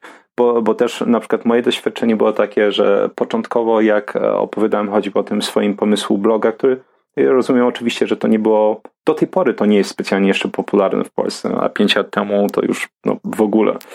Ale jak mówiłem na przykład o jakichś swoich usługach czy potencjalnych produktach, no to dużo osób mi mówiło, że a kto ci tyle za to zapłaci? Albo na przykład, a, a, a kto mhm. w ogóle z tego skorzysta? I e, tutaj jest jedna mantra, którą warto mieć e, też w głowie. E, tak jak nie powinniśmy się zakochiwać w naszych pomysłach, to też nie zawsze trzeba traktować czyjeś uwagi krytyczne jako słuszne, ponieważ możliwe, że to, to nie jest po prostu nasza grupa docelowa. Tak, tak, tak, oczywiście. Zawsze to zależy od wielu czynników. Otóż to. stąd mówię, to jest no właśnie jakieś, jakieś tam lawirowanie, że tak, nie zakochiwać się, ale też krytyczne uwagi, owszem, ale może je, to, jeśli są krytyczne, to czy te osoby są w grupie docelowej, no jest, jest, jest to dosyć, e, dosyć taka cienka linia. Natomiast jest, myślę, że jest dosyć prosty sposób e, weryfikacji jakby tego, czy, czy pomysł potencjalnie jest dobry i to jest, wydaje mi się, weryfikacja, mhm. którą często można dokonać w tydzień. Natomiast zanim do tego przejdziemy, tylko jakby skończymy pytanie sprzed 20 minut, mhm. jak znajdywać pomysły na produkty. I tak mówiłem, że googlowanie, znajdowanie choćby tych jakichś opinii na forach, to samo można robić e, na przykład na choćby stronach pokroju Amazon, ponieważ mm -hmm. to jest dla mnie kopalnia wiedzy. Czyli wchodzisz na przykład na książkę o jakimś odchudzaniu, oczywiście tych książek są setki, i przewijasz sobie na przykład na uwagi pięciogwiazdkowe, co było fajne, notujesz to sobie, nawet dokładnie to, co ludzie napisali, ale też na jedno, dwugwiazdkowe i widzisz niedociągnięcia tych produktów. Tak? Czyli na przykład, aha, -hmm. czyli na przykład tutaj psioczą, że ta książka jest fajna, ale na przykład nie pisali o tym, o tym, o tym. Super, ok, wypisujesz sobie te rzeczy i potem na przykład masz taką mapę potencjalnych niedociągnięć różnego rodzaju produktów z tego rynku, um, choćby no, um, dietetycznego. Mhm. I trzeci e, pomysł, jeśli ktoś już ma bloga, albo jeśli ktoś już ma firmę, która może no, no nie ma jakiegoś, e, nie działa bardzo rozlegle, ale już ma jakichś klientów, to same maile od klientów, e, rozmowy z klientami są dosyć ważną informacją zwrotną. Dosyć często to jest, wiesz co, e, tak, podoba mi się to, ale i tutaj, no właśnie, te ale jest ważne, także, ale co? Gdzie jest kłopot? Gdzie jest niedociągnięcie? Mhm. Także wydaje mi się, że to są takie trzy rzeczy, um, ogólnikowo o tym powiedzieliśmy, ale które e, pomogą zgromadzić wiedzę na temat tego, jakie są fajne rzeczy, a jakie rzeczy, jeśli chodzi o takie, choć w naszym przypadku produkty odchudzające, nie są fajne.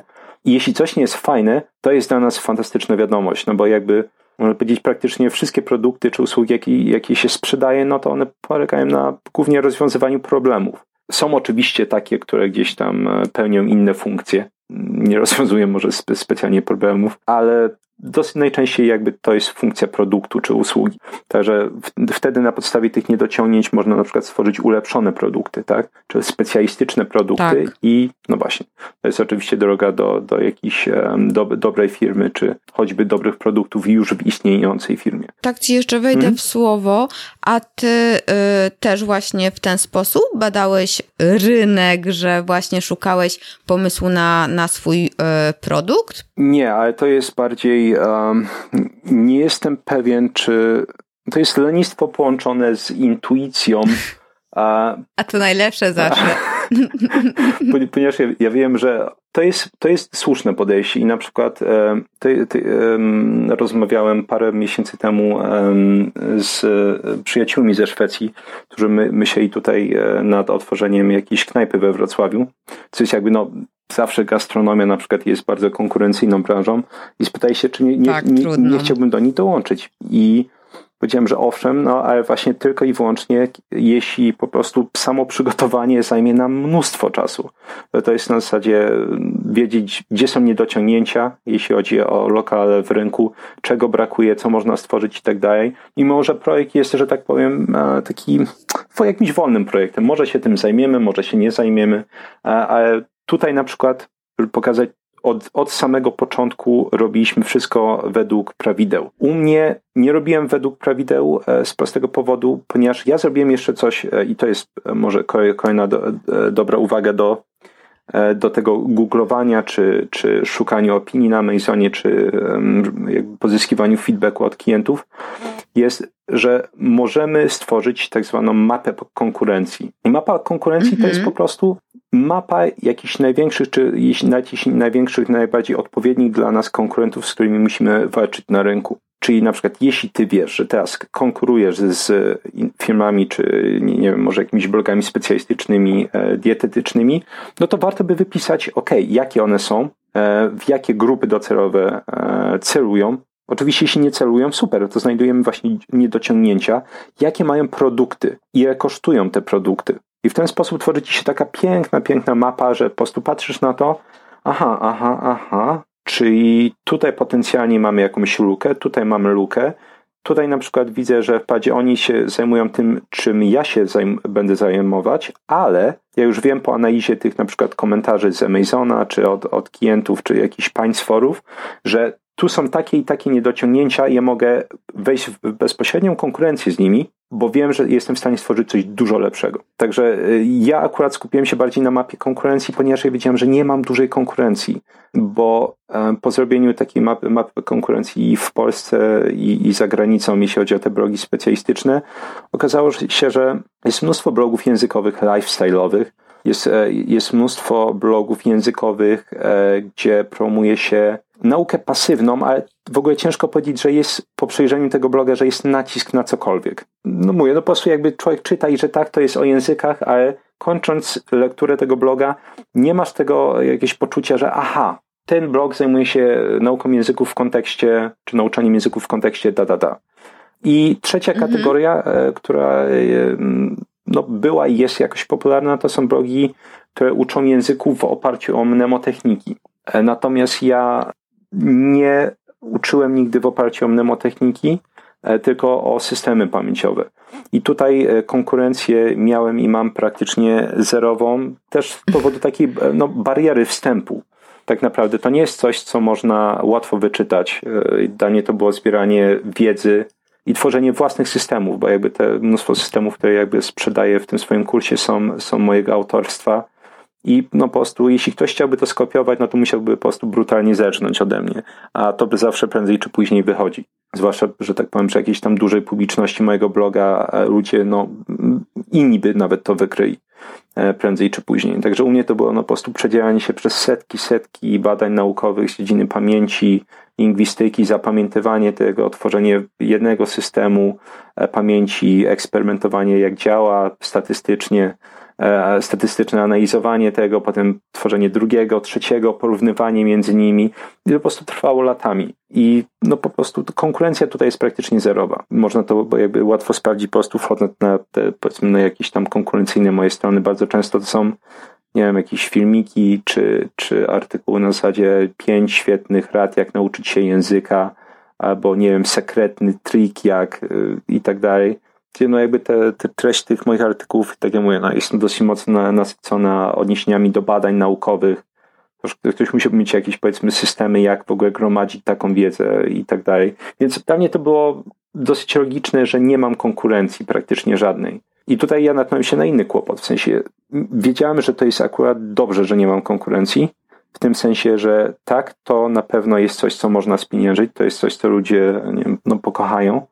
Zwłaszcza, że po, po, samych wynikach można się przekonać, tak? Jeśli po prostu ludzie będą widzieć, że po, można się w parę miesięcy nauczyć języka, mm, to no, jest to jeden z najlepszych możliwych argumentów, już niezależnie od, od jakiejś e, opinii. Natomiast e, ja trafiłem na osobny kłopot, że w momencie, w którym e, jest się w swojej takiej niszy, która nie jest zajmowana przez inne firmy, to też może nie iść na początku specjalnie super, bo trzeba edukować jakby poten, potencjalną publikę, tak? Trzeba praktycznie kogoś przekonać, że tak to działa, bo. Tak, no. To jest, był bardzo, bardzo specyficzny um, kłopot. Znowu, ja mogę tylko dziękować, że gdzieś tam kiedyś wyczytałem o tym i, i to zapamiętałem i to też wydaje mi się, że dobre 2-3 lata zanim stworzyłem pierwszy produkt, bo w momencie, w którym jakby zacząłem robić szkolenia stacjonarne i no, nie było specjalnie dużo osób na początku i miałem właśnie taką gulę, takie ok, co jest nie tak i tak myślę, ok, czy jakby um, celuję te szkolenia w odpowiednią grupę docelową? No jest ok, tak. Okay, czy ci ludzie mają pieniądze potencjalnie? No tak, mają, dobrze. To co jeszcze może być nie tak? W zasadzie patrzę na tę ofertę, no wszystko jest niby uwzględnione, opisane i korzyści, i język, ale no właśnie w pewnym momencie z czym ludzie kojarzą szybką naukę? No kojarzą niestety szybką naukę e, z reklamami w zasadzie pan Józef z jakiejś, e, nie wiem, wulki nauczył się angielskiego w trzy tygodnie, nauczyciele go nienawidzą. Tak. No i jest to jakaś przeszkoda, prawda? No bo wiadomo, że ja chcę się od tego odciąć, to jest po prostu no, cała nauka o pamięci, tak? To są moje tysiące prac naukowych, także jest to jakaś tam walka, którą toczyłem i no, w jakimś sensie wciąż będę musiał toczyć. Ty faktycznie uczysz systemów, jak wykorzystać te różnego rodzaju systemy pamięciowe, a nie memotechniki. Hmm. I nawet ja za bardzo nie wiem, jaka jest różnica pomiędzy tym. Właśnie, jaka jest? Um, mnemotechniki w sensie, w sensie ogólnym to, to, to są um, techniki, e, jakiekolwiek techniki czy strategie pamięciowe, które pomagają no, zapamiętać materiał. Czyli choćby, nie wiem, jeśli chcielibyśmy zapamiętać e, witaminy rozpuszczane w tłuszczach, tak, no to można powiedzieć, że imię Radek, czyli A-D-E-K, to jest mhm. mnemotechnika. Ale w tym sensie węższym, tak jak najczęściej jest to używane, to są wszystkie te techniki pamięciowe wywodzące się ze starożytnego Rzymu i Grecji, gdzie używamy wizualizacji, żeby coś zapamiętać.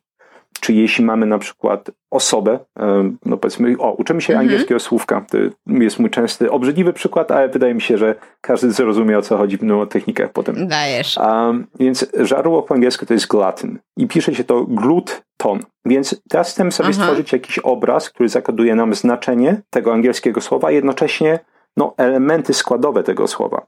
Ja już to jakby to ładnie rozbiłem tutaj, że mamy glut, mamy ton, no tak. i jest e, znaczenie, czyli żarłok. Więc jeśli chcielibyśmy użyć mnemotechnik e, do zapamiętania tego słowa, to stworzylibyśmy najpierw jakiś graficzny obraz. To może być śmieszne, obrzydliwe, dziwne, straszne, byleby czym się wyróżniało. Czyli dla mnie na przykład to byłby taki koszmarny grubas w takiej no, białym podkoszulku, tej tak zwanej żulówce, który je tonę glutów. Także one i można sobie wyobrazić, że spływają mu po twarzy, po brodzie, się obizuje. No żarłok po prostu, takie tony glutów. I ten obraz umieszczamy w miejscu nam znanym, czyli możesz na przykład na progu swojego mieszkania, że możesz sobie wyobrazić, idziesz sobie gdzieś tam na zakupy, e, otwiera drzwi i nagle no, siedzi ten grubas, je te gluty. I potem, jeśli będziesz chciał sobie wydobyć mentalnie to słowo, robisz sobie właśnie tą wędrówkę w głowie, że aha, czyli otwieram drzwi i co widzę? Ktoś, kto je glutów tonę, taki żarłok, a okej, okay, to jest żarłok.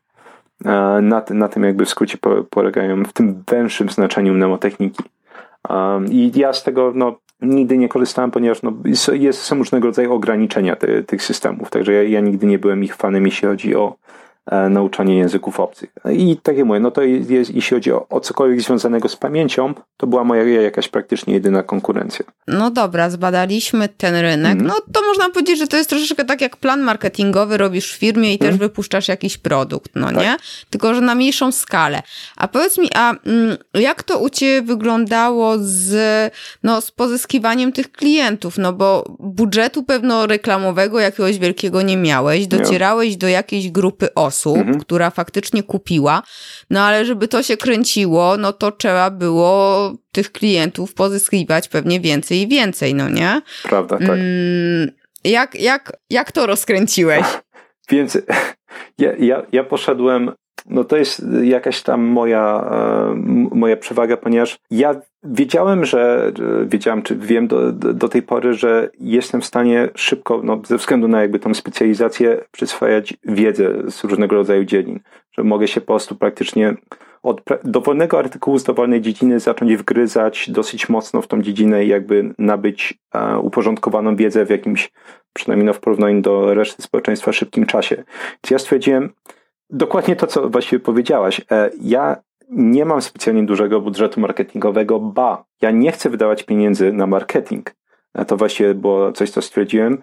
I nie chodziło tutaj o bycie tanim, E, chodziło e, bardziej o to, żeby rozbudować cały czas swoją wiedzę, ponieważ wydaje mi się, że też jakąś tam klątwą, może częściej średnich i większych firm niż małych oczywiście, ale jakimś tam klątwą w wymyśleniu jest tak zwane rzucanie pieniędzmi w kłopot. Tak? Czyli często jest tak, że firma ma kłopot, szczególnie no właśnie marketingowy, no bo rzeczywiście te statystyki pokazują, że do 80-90% firm pada, bo nie jest w stanie dotrzeć do klientów. To jest ten główny kłopot.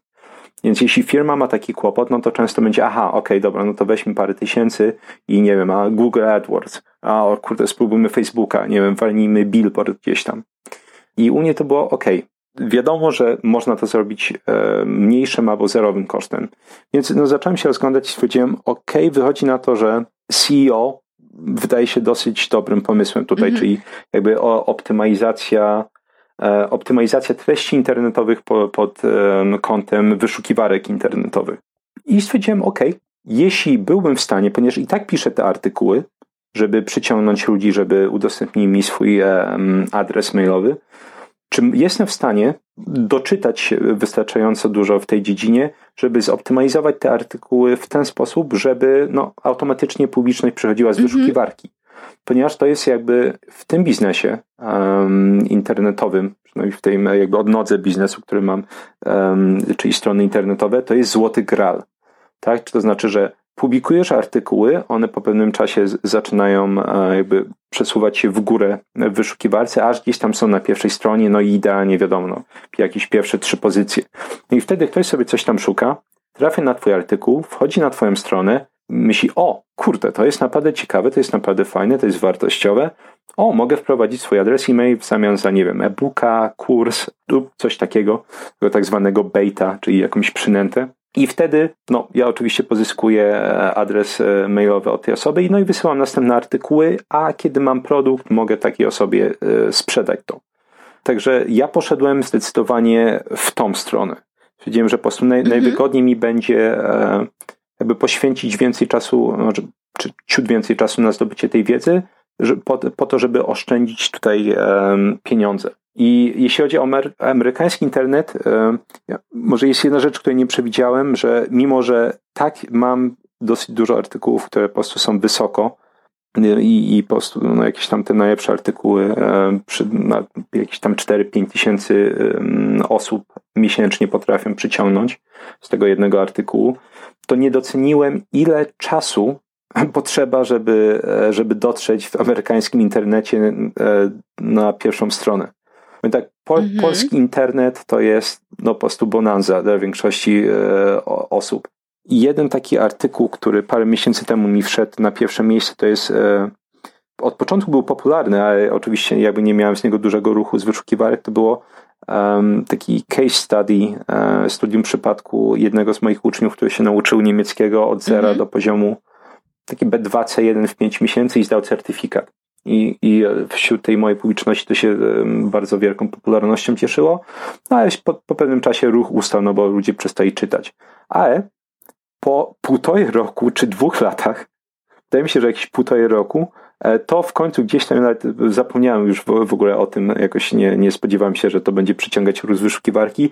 Doszło na pierwsze miejsce, no i teraz, no dzięki Bogu, wyciąga jakieś tam 2,5-3 tysiące osób miesięcznie ten artykuł i bym powiedział, ten artykuł jest o tyle fajny, że przyciąga bardzo specyficzne osoby. Są osoby, które są zaciekawione, no bo musiały wpisywać słowa kluczowe, nauczeniem się języka w parę miesięcy, do takiego poziomu i nie ma w ogóle dużo osób, które coś takiego proponują. Więc dla mnie to są idealne osoby, żeby e, potencjalnie jakby mhm. no, sprzedawać im produkty. Mhm. A e, okej, okay, no zrobiłeś ten, mm, ten jeden produkt, tak, ten kurs, no ale to chyba nie było tak, że on nagle i tak szybko zaczął y, żreć. Jakoś chyba pewnie go trzeba było modyfikować, optymalizować, co? Czy czy miałeś szczęście i od razu okazał się sukcesem? Znaczy, od razu okazał się sukcesem, to, to na pewno, chociaż o, oczywiście to, co dla, dla mnie mogło być sukcesem, nie wiem, może niektórych nie, by, by nie wzruszyło. Tak, wydaje mi się, że na polskie warunki, um, oczywiście jakoś tam płacowo porównując, był sukcesem, ponieważ jakby po tej wersji beta, to jest jeszcze ciekawe, mi, zanim, że po stworzeniu tej wersji mm -hmm. beta mi zajęło chyba jeszcze jakieś półtorej roku stworzenie pełnej wersji bo, bo po prostu po uwzględnieniu jakby uwag od tych osób z wersji beta i tak dalej, i tak dalej, też ja zdobyłem dużo większą wiedzę. W międzyczasie też jakby testowałem różnego rodzaju metody e, i ja sobie obiecałem, nie, nie stworzę pełnej wersji produktu, e, czy może nie stworzę, nie będę jej sprzedawać, dopóki nie będę w stanie doprowadzić średnio zmotywowanej osoby, bo to jest ważne, zmotywowanej osoby od zera do poziomu B2 w 6 miesięcy. I w momencie, w którym jakby zacząłem no właśnie trafiać e, już w ten, powiedzmy, mój próg czasowy, stwierdziłem, ok, to już jest taki produkt, z którym po prostu ciężko będzie komukolwiek konkurować. Do tej pory, szczerze mówiąc, nie kojarzę w angielskim internecie, czy jest podobny produkt, który ludzie oferują. To jest często, tak, nauczymy cię języka, szybki język, ale że tak powiem, no, nikt nie, nie jest w stanie jakby legitymować się takimi wynikami. Więc mi zajęło półtorej roku, zanim stworzyłem tą pełną wersję produktu i ją zacząłem sprzedawać, czy jakby pierwszą sekwencję mailową um, składającą się z pięciu maili wypuściłem w kwietniu zeszłego roku. Czyli to były 4 lata, o tym warto wspomnieć. Po, po 4 latach jakby zbierania publiczności, prowadzenia tej strony, e, wypuściłem tą sekwencję, no i e, ten kurs 5 dni czy przepraszam, ten tydzień przyniósł jakieś, wow. już nie pamiętam dokładnie, między 27 a 29 tysięcy złotych. No fajnie. Ale to jest kurs um, mailowy? Nie, nie, nie. To jest jakby um, sekwencja, jakby mhm. sekwencja sprzedażowa była mailowa, natomiast um, jakby to działa tak, że tam było odniesienie do strony sprzedażowej od tych maili, jeśli ktoś się zdecydował kliknąć. Na stronie sprzedażowej po prostu można było do, dokonać kupna, no i to już cała automatyzacja i było przerejestrowanie na stronę kursu. E, jakby człowiek sobie może sam założyć konto, no i od razu jest przekierowany na, na stronę samego kursu i tam się loguje i korzysta sobie kiedy chce z tego kursu. Mhm. Ale rozwijasz e, go dalej, dodajesz coś, czy, czy planujesz y, jakoś coś tam zmienić? Tak, tak. A, e, rozwijam do tej pory, powiem tak, nie wydaje mi się, żeby nawet to było konieczne samo w sobie, bo ludzie od początku byli zadowoleni, ale to jest jakiś mój perfekcjonizm i uważam, że perfekcjonizm może być wrogiem, ale też może być przyjacielem.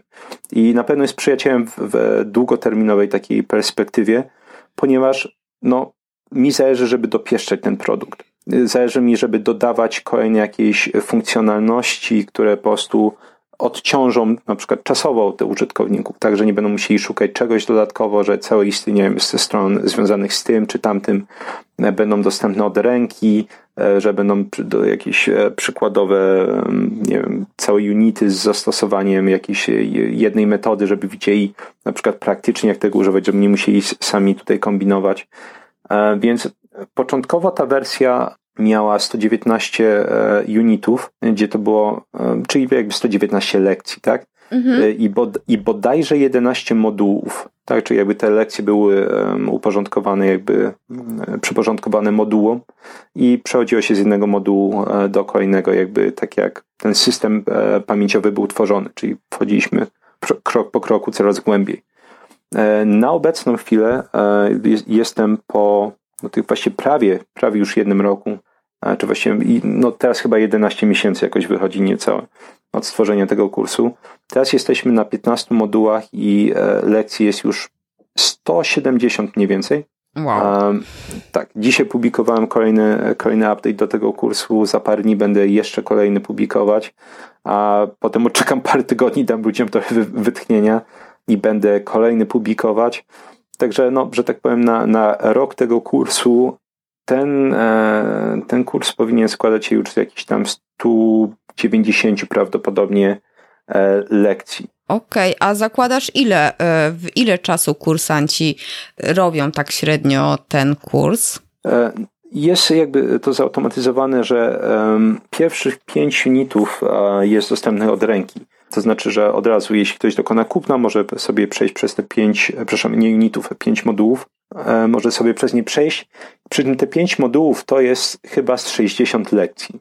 Przy czym tylko jeden moduł jest stricte praktyczny, w sensie on prezentuje metodę i, i e, jak ją wykorzystywać, żeby szybko uczyć się słówek. Pozostałe to są takie moduły wprowadzające. To one polegają na wyznaczeniu celu nauki, e, liczby słówek dziennych, które się człowiek będzie uczyć, oprogramowania, z którego będziemy korzystać, dlaczego z niego będziemy korzystać, e, najczęściej popełniane błędy w nauce języka obcego. I to jest na przykład to jest czwarty moduł i tam jest dwadzieścia parę e, lekcji. I to jest moduł mówię, stricte teoretyczny, on tylko mówi, że to jest błędem, to jest błędem, to jest kolejny błąd i są odniesienia do literatury. Po prostu, żeby ludzie wiedzieli, że to nie jest tak, że e, jak powiem, ja się czepiam często jakichś systemów zapamiętywania, które, które inne osoby prezentują, tylko są, no właśnie, odniesienia e, do, do literatury naukowej. To jest coś, co zostało odkryte często, nie wiem, w latach 60., 70., a do tej pory na przykład są, e, z tych rozwiązań korzystają szkoły językowe, uważając, że one są bardzo dobre. Mhm. Natomiast po tym piątym module e, jest ustawiony ten dripping, takie jak tak zwane kapanie tego kursu, to znaczy, że nowy moduł otwiera się po mniej więcej czterech dniach. Więc jeśli ktoś będzie chciał i by przerabiał moduł tak jak, moduły tak, jak one się otwierają, to mógłby przerobić cały, cały kurs w 35 dni. I to jest jakby no, ten, powiedzmy, najszybszy, najszybsze możliwe tempo przerobienia kursu 35 dni. Ja musiałem to, to tak zrobić, ponieważ no, to jest ogrom materiału. Ja starałem się, żeby tam nie było ani jednej rzeczy, która po prostu jest zbędna. Każda ma jakby czemuś służyć, ale w momencie, w którym e, raz nie, nie dałem tego drippingu i, i ludzie byli w stanie przeskakiwać przez te moduły, to był chaos. Bo zamiast skupić się na jednej metodzie, poeksperymentować, zobaczyć na przykład jak ona działa, oswoić się z nią, no to przeskakiwali przez trzy moduły, w którym były opisane cztery metody i potem dostaję mnóstwo maili, na przykład a, bo tutaj to, to, to, to i koniec końców, no ja musiałem spędzać mnóstwo czasu na odpisywaniu na te maile, tak? Mhm. Oczywiście, że tak powiem, jakaś, jakaś wolność płynąca z tego modelu biznesowego to jest to, że w pewnym momencie to jest automatyzowane. Na przykład u mnie to jest, no już na obecną chwilę zautomatyzowane, to znaczy, że te sekwencje mailowe, sprzedażowe wychodzą automatycznie e, i sprzedaż dokonuje się automatycznie, więc jakby ja nie muszę w tym uczestniczyć. E, jakiś ten um, czas, który ja czy wysiłek, który muszę podejmować, to jest po prostu już rozmowy same z tymi osobami, jak wysyłają do mnie maile. A oczywiście sam kurs też staram się tworzyć w ten sposób, że często rzeczy, które dopisuję w tych różnego rodzaju update'ach, to są rzeczy, o które się mnie pytano po prostu.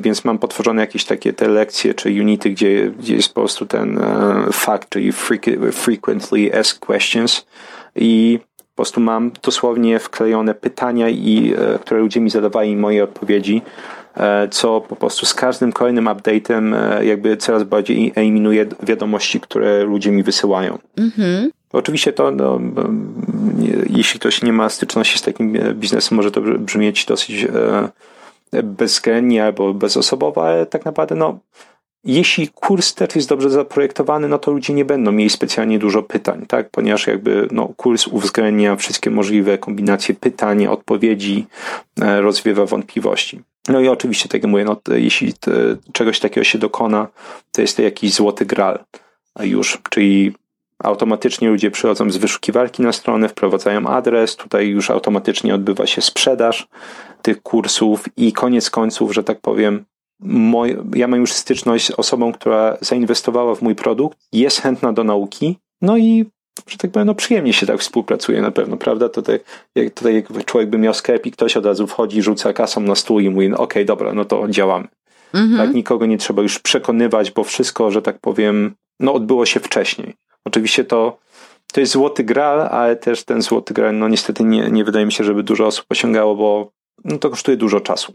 To kosztuje, tak. to nie kosztuje dużo pieniędzy, e, ale to kosztuje dużo czasu, wysiłku, zaangażowania, no i tutaj pojawia się kłopot. Tak, no samo prze, przerabianie kursu i, mm, no i wykorzystywanie tej wiedzy to na pewno, e, no to jest czasochłonne, wiem, bo przerabiam o, tak. twój kurs i tak. mimo, że jest właśnie, chciałam powiedzieć, że nawet mm, tak, e, jeżeli ktoś zna język angielski, bo tutaj właśnie, hmm. no twój kurs jest dla osób anglojęzycznych, to, hmm. to fajnie zrobić właśnie chyba, tak, tak ja to widzę, hmm. właśnie po angielsku, bo, bo nawet Polacy, czy no z całego świata ludzie mogą wykorzystać no wiedzę w nim zawartą, po prostu no tylko muszą znać na, chyba najpopularniejszy język, tak mi się wydaje, nie wiem, ale no popularny hmm. język, nie? Mm, angielski. Tak, tak. Tak, tak. No oczywiście jest tak naprawdę dosyć dużo Polaków, tak naprawdę, którzy, którzy się zapisali na ten kurs, którzy jakby nie, nie, mieli, nie mieli z tym kłopotów, ale oczywiście no, gdzieś, tam, gdzieś tam od początku e, kurs był tworzony z myślą e, o Angikach. Ja dopiero tak naprawdę jestem gdzieś tam w 70-80% stworzenia tego, tej, tego polskiego odpowiednika Vocabulary Labs, mhm. żeby, żeby zapełnić jakąś tam lukę, bo też dostaję sporo takich zapytań, ale, ale tak mówię, no to z, zawsze było dla mnie gdzieś tam mm, jakimś wtórnym pomysłem e, w porównaniu do te, te, tej angielskiej wersji. Znowu chodzi tutaj o, o wysiłek, na przykład ja dopiero jakąś tam swoją pozycję buduję w tym polskim internecie, tworzę jakąś markę, a możemy to nazwać, ale w angielskim internecie, tak jak mówię, no to już jest jakby zautomatyzowane, wiadomo, wiadomo że tutaj jakikolwiek ja wysiłek tam włożę, choćby wpisanie artykułów, na przykład, no to dużo szybciej się przełoży na, na jakiekolwiek wyniki finansowe. Mhm. No oczywiście, no jest, jest to jakaś, jakaś tam podstawa prowadzenia biznesu, żeby to przynosiło, żeby wysiłek przekładał się na pieniądze. Czyli co? Najlepiej to wychodzić właśnie od razu w świat, no nie? Jeśli, jeśli ktoś się czuje e, pewnie językowo, bym powiedział tak, e, na, na pewno warto, nawet jeśli to by zajęło parę lat, tak, jak e, u mnie. Jestem pewien, że to można zrobić szybciej. Mi to mhm. zajęło też tyle czasu z prostego powodu, że oczywiście no, biznes, biznes sam w sobie jest dla mnie ciekawym jakimś nie wiem, wyzwaniem intelektualnym, powiedział. Oczywiście na pieniądze też się na pewno nie gniewam, ani, ani nikt, kto prowadzi firmę, ale dla mnie to było jedno z takich wyzwań intelektualnych. Natomiast o to chodzi, że mam dużo innych projektów, które po prostu no, nie są związane w ogóle z finansami. E, czy firmą, czy czymkolwiek innym, które mnie kosztują sporo czasu i ja od lat im poświęcam czas, czy zmieniam dziedziny wiedzy, których się uczę, których nie jestem w stanie zastosować przynajmniej na obecną chwilę, żeby, nie wiem, jakoś je spieniężyć. I jeśli prawdopodobnie bym się skoncentrował, to znaczy, że okay, przez następne, nie wiem, 3-6 miesięcy nie robię absolutnie nic, tylko na przykład, nie wiem, rozwijam e, produkty na polskiej stronie, to na pewno bym na tym lepiej wyszedł, tak samo jak na początku tej, tej angielskiej strony bym lepiej wyszedł na tym, że no właśnie mi się skupił na pisaniu dużo większej ilości artykułów i tak dalej, w porównaniu do mojej nauki własnej, której było sporo, to na pewno ten e, sukces by przyszedł e, wcześniej, ale to już jest tak naprawdę pytanie, na czym komu zależy, tak? Dla mnie, ja w sumie od lat powtarzam, że jakiś ten sukces e, finansowy na pewno przyjdzie, jestem w stanie na niego poczekać, tak? W sensie nie jestem w stanie zrezygnować z mojej nauki własnej, z uczenia się, nie wiem, kolejnych dziedzin wiedzy, języków, a kosztem pieniędzy. Pieniądze są fajne, ale nie były dla mnie aż takie fajne, żeby zażynać każdy, każdy inny projekt czy, czy pasję, żeby się podporządkować w zarabianiu. Mm-hmm. A jeżeli masz właśnie tutaj, mm, no bo trzeba faktycznie to mm. wypośrodkować, tak? Można się całkowicie tak. po, poświęcić czemuś i załóżmy nie zarabiać, tylko rozwijać coś, co przyniesie faktycznie później y, jakieś zyski. No i troszeczkę też chyba zaryzykować, bo, bo nie wiadomo, czy to się sprawdzi. Mm, no a albo właśnie robić, e, no dodatkowo coś, prawda, rozwijać ten hmm. produkt, to czy przy tym dodatkowym inwestowałeś jakoś w reklamę, promocję, nie wiem, Google Ads, Facebook Ads? Um, nie, tak napra- naprawdę nie. No, chyba, chyba raz akurat jeśli chodzi o polską stronę zainwestowałem w, e, w Facebooka. Bardziej testowo, żeby zobaczyć, czy jestem w stanie e, przyciągnąć kogoś na, na szkolenie stacjonarne e, właśnie z tych reklam facebookowych. No, nie, nie, nie skończyło się to ni niestety żadnymi e, efektami. Nie to, że mnie to zniechęciło, ale dla mnie to jest właśnie jedna, jedna z wielu rzeczy, które na przykład mam zaplanowane, wiem jakby jak to zrobić, ale nie robię ze względu na brak czasu. Mm, skąd ja to znam? Um, Tak, bo właśnie znowu, e, tak mógł, mógłbym dosyć szybko wiele rzeczy zrobić, ale musiałbym zrezygnować e, z, tak naprawdę mówię, no, tych moich prywatnych pasji, czyli tak naprawdę głównie nauki. A nie jestem po prostu gotów tego zrobić. Natomiast jeśli bym zrobił, jeśli bym atakował reklamę internetową, to na pewno bym robił um, taki atak wielopoziomowy. I na pewno bym zaczął też od, od Facebooka. Jakby jedna z tych takich e, znowu prawideł czy, czy mantr, e, jeśli chodzi o ten marketing internetowy, to jest, żeby mieć odpowiednio dużą ilość punktów styczności. Tak? To znaczy, żeby ktoś zauważył nas 6 albo 7 razy minimum, zanim, e, zanim zdecyduje się coś kupić. Mhm. I to jest dosyć prawdziwe. To oczywiście zależy od, od jakości e, tych treści, które, z którymi będzie miała ta osoba styczność, ale dosyć często jest tak, że na przykład e, zauważyłem, e, firmy się zniechęcają Oczywiście jeszcze raz mogę podkreślić, ja mówię to z czysto teoretycznego mm -hmm. punktu widzenia, bo są to rzeczy, które zapamiętałem u osób, które się tym zajmują profesjonalnie, ale że y, są osoby, które na przykład spróbują, nie wiem, Google AdWords albo spróbują e, reklamy na Facebooku i tak naprawdę widzą, że albo działa, albo nie działa. Najczęściej nie oszukujmy się, nie, nie działa, bo, bo raczej niewiele, wydaje mi się, jakichś tam tych podejść marketingowych działa za pierwszym razem i rezygnują. A, a warto pamiętać, że dla takiej osoby, na przykład, która by, by zobaczyła nas ten jeden raz na Facebooku, to byłby zaledwie jeden punkt styczności. Tak. Mhm. tak? I tutaj szansa na to, że my jesteśmy tacy niesamowici, bo to też no, albo to trzeba być geniuszem copywritingu, albo mieć w ogóle jakiś nie, nie z tej ziemi produkt, żeby ktoś po, przy jednym punkcie styczności, czyli widzi na przykład naszą tą reklamę na Facebooku i, i myśli, wow, wow, na przykład, o kurde, Vocabulary Labs, to brzmi tak niesamowicie, już wchodzę na stronę i kupuję.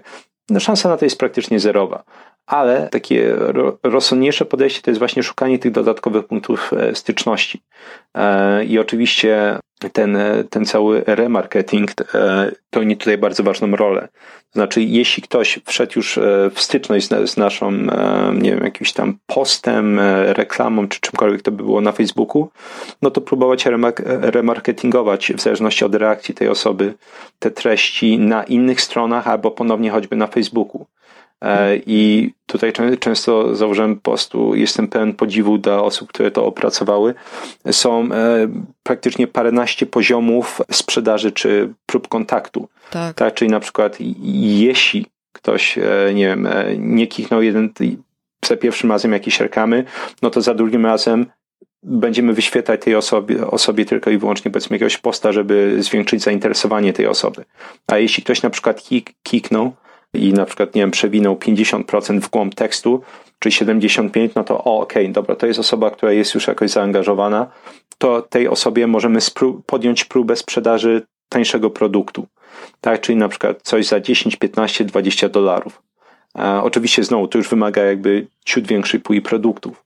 Jeśli ta osoba ta, kupi oczywiście ten produkt za 15-20 dolarów, możemy w takim razie już jest w naszym funnelu sprzedażowym, czyli tym lejku sprzedażowym, czy tunelu e, i możemy spróbować sprzedać droższy produkt.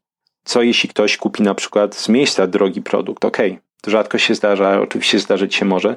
To w takim razie, ok, no to robimy upselling, tak, próbujemy sprzedawać jeszcze droższe produkty, usługi i, tak, tak dalej, i tak dalej.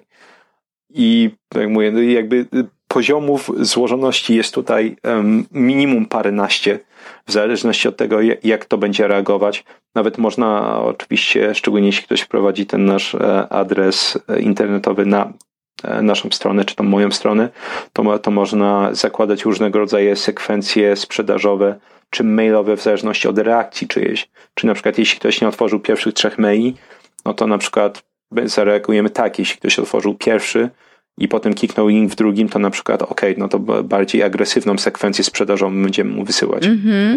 I tak dalej, i tak dalej. Ale e, na pewno jeśli chodzi o jakąś jedną, e, jedną, że tak powiem, konkluzję tutaj, to jeśli ktoś chciałby um, próbować sił w reklamach typu Google AdWords, e, chociaż wydaje mi się, że ciężko przebić Facebook, bo jest tańszy i dużo bardziej precyzyjny niż Google AdWords, to warto by wtedy atakować jakby tą osobę wielokrotnie. W sensie najczęściej przy jednej próbie e, kontaktu nie uda się ta sprzedaż. Więc trzeba właśnie no, wyskakiwać za, za paru krzaków, a nie za jednego, żeby przekonać osobę. Tak, nawet jeżeli, e, sorry, że ci weszłam słowo, ale właśnie nawet jeżeli znamy daną osobę, to też za pierwszym razem, no trudno jest e, tak sprzedać, nie? Zwłaszcza jeżeli produkt tam kosztuje kilkaset tak. złotych. To jest prawda, tak. Dokładnie. No i te, tak. te, mm, te, te, ten złożoność tego, ten całe budowanie tych lejków e, sprzedażowych, no to jest takie naprawdę taka układanka i, i to jest fajne, mm. bo jakby korzystać właśnie remarketing, tutaj jakiś marketing automation, to jest świetna zabawa, tylko faktycznie trzeba mieć czas na ułożenie tego, analizowanie i optymalizowanie. Tak, ale, ale, ale tutaj no właśnie, to jest, to jest jak zawsze właśnie to, to krok po kroku. Oczywiście no, najlepszy, najlepszy przykład dla mnie jest, jest mój przykład, ponieważ jakby no, przechodziłem, przechodziłem przez to sam wiem, ile wysiłku szło w każdy krok. Budowanie te, tego bloga, pisanie artykułów, optymalizacja tego wyszukiwarcy, um, stworzenie wersji beta, stworzenie pełnej wersji, e, potem parę było sekwencji sprzedażowych manualnych. Mm -hmm. I dopiero tak naprawdę na początku tego roku e, ja zautomatyzowałem te sekwencje. Czyli, że tak powiem, nawet po, po tym, jak ten produkt zaistniał i, i widać było, że on się sprzedaje, że jest ok, to były jakby takie kolejne takie zielone światła. Tak, że można powiedzieć, co by było, jeśli ludzie na przykład e, pisze artykuły, a nikt nie chce się zapisać na mojego newslettera. No to nie ma zielonego światła, znaczy, że no, obsysam. Gdzieś tu coś jest nie tak, tak? Gdzieś może może właśnie nieodpowiednio dobrałem grupę docelową, może mój język jest nie taki, a może właśnie, nie wiem, może mój angielski jest fatalny, że po prostu ludzie to czytają, jest takie nie, dobra, od tego, od tego kolesia nie chcę słuchać, jak się uczyć języku. Potem no właśnie mamy wersję beta, i to jest, to jest element, o którym jakby sobie obiecaliśmy, że gdzieś tam wspomniłem wcześniej, no właśnie ta, ta wersja beta, e, że mówiłem, że często w przeciągu zaledwie tygodnia można się przekonać, czy nasz pomysł wypali. I właśnie na, najlepszą, e, najlepszą możliwą e, weryfikacją tego, czy nasz pomysł jest wysokich lotów, czy to na produkt, czy to na e, usługę, jest właśnie próba sprzedaży, nawet jeśli nie mamy firmy.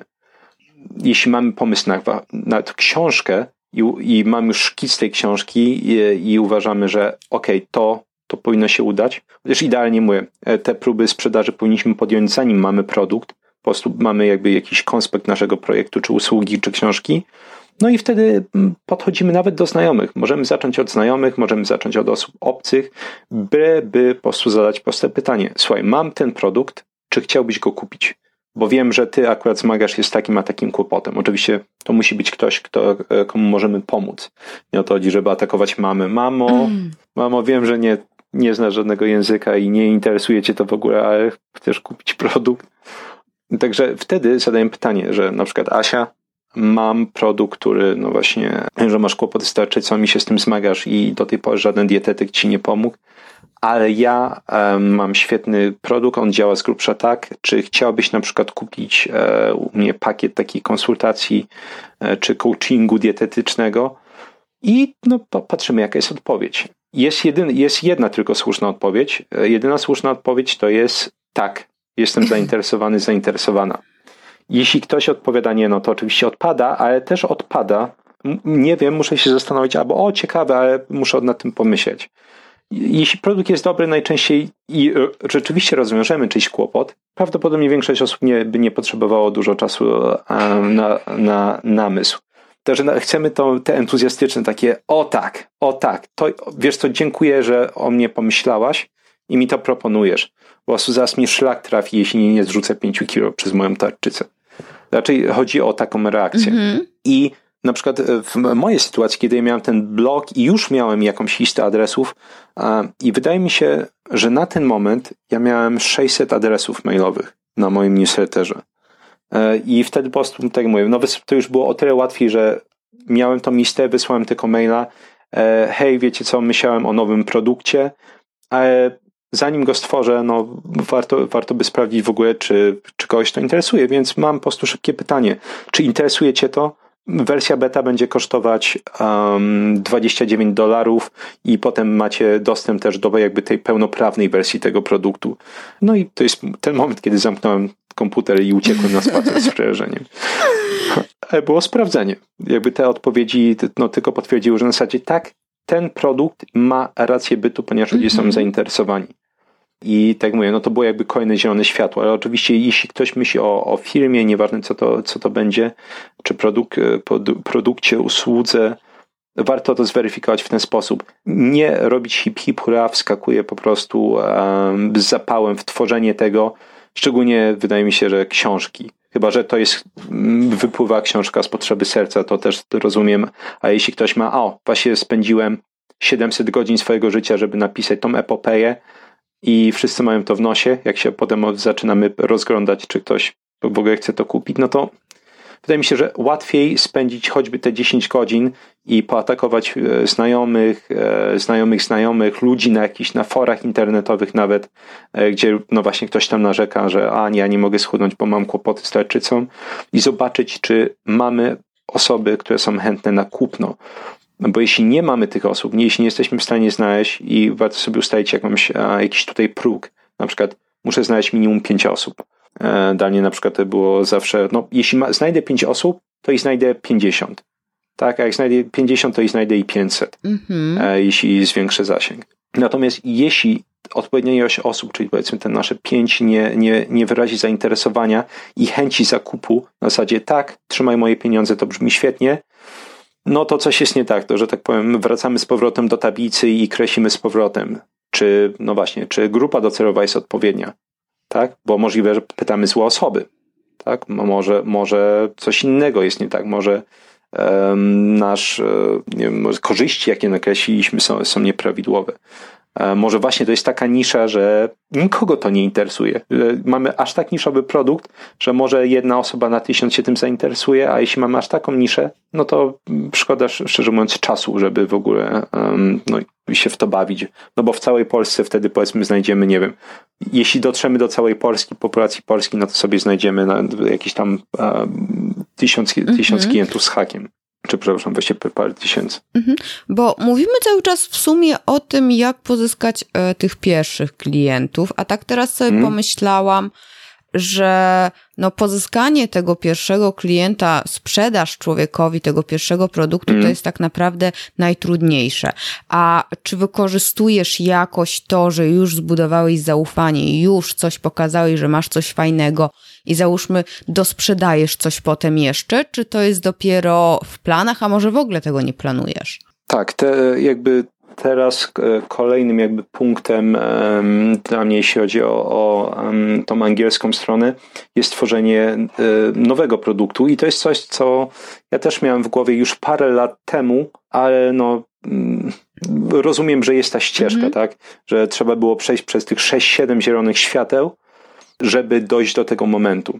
I tak mówię, tym ostatnim zielonym światłem przed, e, przed tym kolejnym kursem było sprzedanie pełnej wersji kursu tego do nauki mhm. języków. I w momencie, w, który, w którym chyba jest jakieś, no, musiałbym sprawdzić dokładnie, jest ponad 150 osób, które kupiły ten kurs, co nie wiem, tam przyniosło łączną kwotę w przeciągu niecałego roku ponad 100 tysięcy złotych, no to jest na pewno e, duży sygnał, że coś robię prawidłowo, mam zaufanie, są efekty, no bo też jakby dostaję oczywiście te recenzje tych kursów, gdzie mi piszą, jak szybko są w stanie się uczyć i tak dalej. To było kolejne i ostatnie zielone światło przed następnym. I e, potem już wystarczyło znowu powtórzyć ten krok, który dokonałem wcześniej, czyli wysłanie maila, że hej, wiecie co, mam pomysł na taki kurs i to jest mail, który ja tak naprawdę bardzo niedawno wysłałem. Nie jestem pewien, czy to będzie może dwa tygodnie temu, może tydzień temu. A powiedz mi tak, taka jedna rada dla osoby, która właśnie tutaj myśli o tym, żeby zacząć dzielić się wiedzą, stworzyć hmm. jakiś produkt albo właśnie usługę i hmm. e, no, zacząć zarabiać, tak? E, dzięki blogowaniu czy też tworzeniu treści w internecie, bo teraz to już różne hmm. formy treści można tworzyć. Tak, tak. Um, będzie jakieś tam jedna czy dwie rady, e, e, czy, czy można powiedzieć na prawie, praktycznie warunki e, konieczne, żeby, żeby osiągnąć tutaj sukces, to jest jeden, trzeba bardzo lubić, jeśli nie kochać, to, czym będziesz się zajmować. Droga potencjalna osoba, która będzie tworzyć tę tą stronę. Ponieważ jeśli nie masz pewności, że będziesz zarabiać na przykład w przeciągu dwóch, trzech lat, bym powiedział, średnio tyle mniej więcej trzeba poczekać, żeby takie strony zaczęły przynosić jakieś konkretniejsze pieniądze, to jeśli nie lubisz tego, co robisz, to zwariujesz. Mm -hmm i porzucisz to. I też mój inny przyjaciel na przykład był, był zainspirowany poniekąd tym sukcesem tej mojej strony i stwierdził, o okej, okay, no to on może o żużu będzie pisać.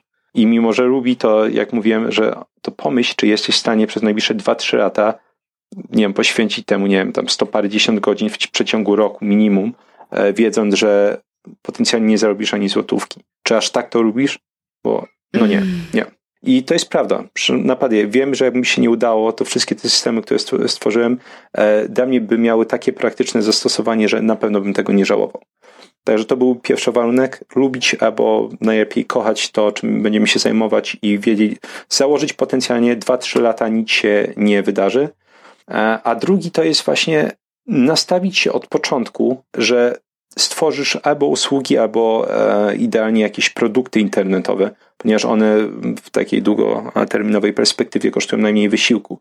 Ponieważ e, wiem, że wiele osób jakoś może myśli, że nie wiem, z reklam można zarabiać dobrze na stronach albo przy jakieś produkty afiliacyjne, że my będziemy czyjeś produkty sprzedawać. Jest to możliwe, ale tylko i w momencie, w którym e, mamy olbrzymie strony. A stworzenie tak. olbrzymiej strony to jest nie lada wyzwanie i nie oszukujmy się, nie, nie wydaje mi się, żeby wielu osobom się to udawało. Mi nawet się nie, nie udało do tej pory. To nie jest moje strony, czy moja angielska strona nie jest jakiejś nie wiadomo jak potwornej wielkości, ale to no, świetnie pokazuje, jeśli w przeciągu roku na tej stronie na przykład można było zarobić 100 tysięcy złotych, tak, no to można sobie wyobrazić, o ile to można zwielokrotnić w momencie, w którym ta strona na przykład, nie wiem, doszłaby do 50 nawet tysięcy e, użytkowników miesięcznie, do czego jeszcze nie doszedłem. Także dużo lepiej jest właśnie wyjść e, z miejsca założenia, ja będę mieć swój produkt. Nie będę zarabiać przez produkty afiliacyjne, albo ewentualnie będę tak dorabiać, a z reklam, szczególnie jeśli ktoś ma blog specjalistyczny, ja bym w ogóle zrezygnował, bo to wydaje mi się dosyć mocno zatruwa markę, tak? Że ktoś wchodzi na moją stronę i tak, ja sprzedaję, czy nie wiem, będę oferować produkty pamięciowe, a jest mnóstwo odesłań do jakichś, nie wiem, książek czy, czy innych produktów, innych firm. Wydaje mi się, że to dosyć mocno może jakby skazić e, reputację i, i w ogóle pierwsze wrażenie osoby, która wejdzie na taką mm -hmm. stronę. No zawsze trzeba, wiesz, e, wyważyć to, nie? Żeby nie przesadzić. Ja ostatnio wyszłam na stronę, nie wiem, to była jakaś właśnie... Um portal edukacyjny. Oni tam oczywiście jakoś w jakiś sposób konwertowali e, ruch e, na sprzedaż mm. czegoś, no i mieli e, reklamy Google Ads swoje. Hmm. I, mm. ja wiesz, ja kliknęłam, patrzę, o, przekierowana na ich stronę. To w ogóle już e, mm. nie wiem, jak to się zadziało, czy to błąd Google'a, czy oni jakoś tak e, remarketing sobie ustawili. E, ale, ale to Nie też, e, no i oczywiście zawalona strona góra-dół, e, ich mm. reklamy były na ich stronie. No, no właśnie, no właśnie, to, to, moje, to może, może zepsuć najlepsze pierwsze wrażenie. Mm -hmm. Dobrze, ja Ci ślicznie dziękuję i trzymam kciuki za sukces nowego kursu i dalsze rozwijanie stron także polskich, żeby i kursu polskiego, żeby był dostępny dla osób, które no właśnie chcą się uczyć angielskiego, a jeszcze nie znają tak go na tyle, że, że mogą sobie skorzystać z tej wersji anglojęzycznej. No i co? Ja oczywiście kontakt do ciebie, do, do strony kursu, do twoich blogów y, podam w notatkach do tego odcinka. I dziękuję jeszcze raz. I ja dziękuję ślicznie za, za ugoszczenie mnie w tym odcinku. Mam nadzieję, mam nadzieję że, że um, no, tre, treści są, będą wartościowe dla wszystkich osób, które e, są zainteresowane tym rodzajem biznesu. Jeszcze raz kosztuje dużo wysiłku, a, ale, myśl, ale myślę, że E, że i ja i Agata możemy potwierdzić, że na pewno, na pewno warto ten wysiłek podjąć, jeśli tylko e, robimy to, co lubimy. Dokładnie, dokładnie. Dzięki, trzymaj się i cześć. Dzięki piękne. Do usłyszenia. Papa. Pa.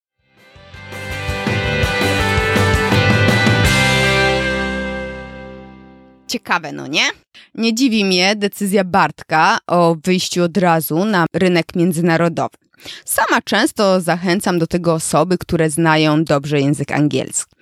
Wychodząc do klienta anglojęzycznego, Twoja grupa docelowa zwiększa się wielokrotnie. E, no a ceny za produkty czy usługi też mogą być o wiele wyższe. Wiecie, to co u nas wydaje się bardzo drogie, na zachodzie często jest nieodczuwalnym wydatkiem. Ze swojej strony zachęcam Cię do odwiedzenia blogów Bartka, gdyż są tam bardzo ciekawe artykuły. Ponadto warto przesłuchać mm, dwa podcasty Dawida Straszaka z podcastu charyzmatycznego, e, gdzie Dawid rozmawia z Bartkiem o nauce języków obcych, a także o sposobach e, skutecznej nauki. Mm, Bartek obala teorię szybkiej nauki przez mapy myśli, zakreślanie, czy też naukę szybkiego czytania. O tym mogliście posłuchać u mnie w odcinku 32, jak rozwijać kompetencje, gdy brak e, czasu. Mm, Bartek podaje mega ciekawe kontrargumenty do zastanowienia.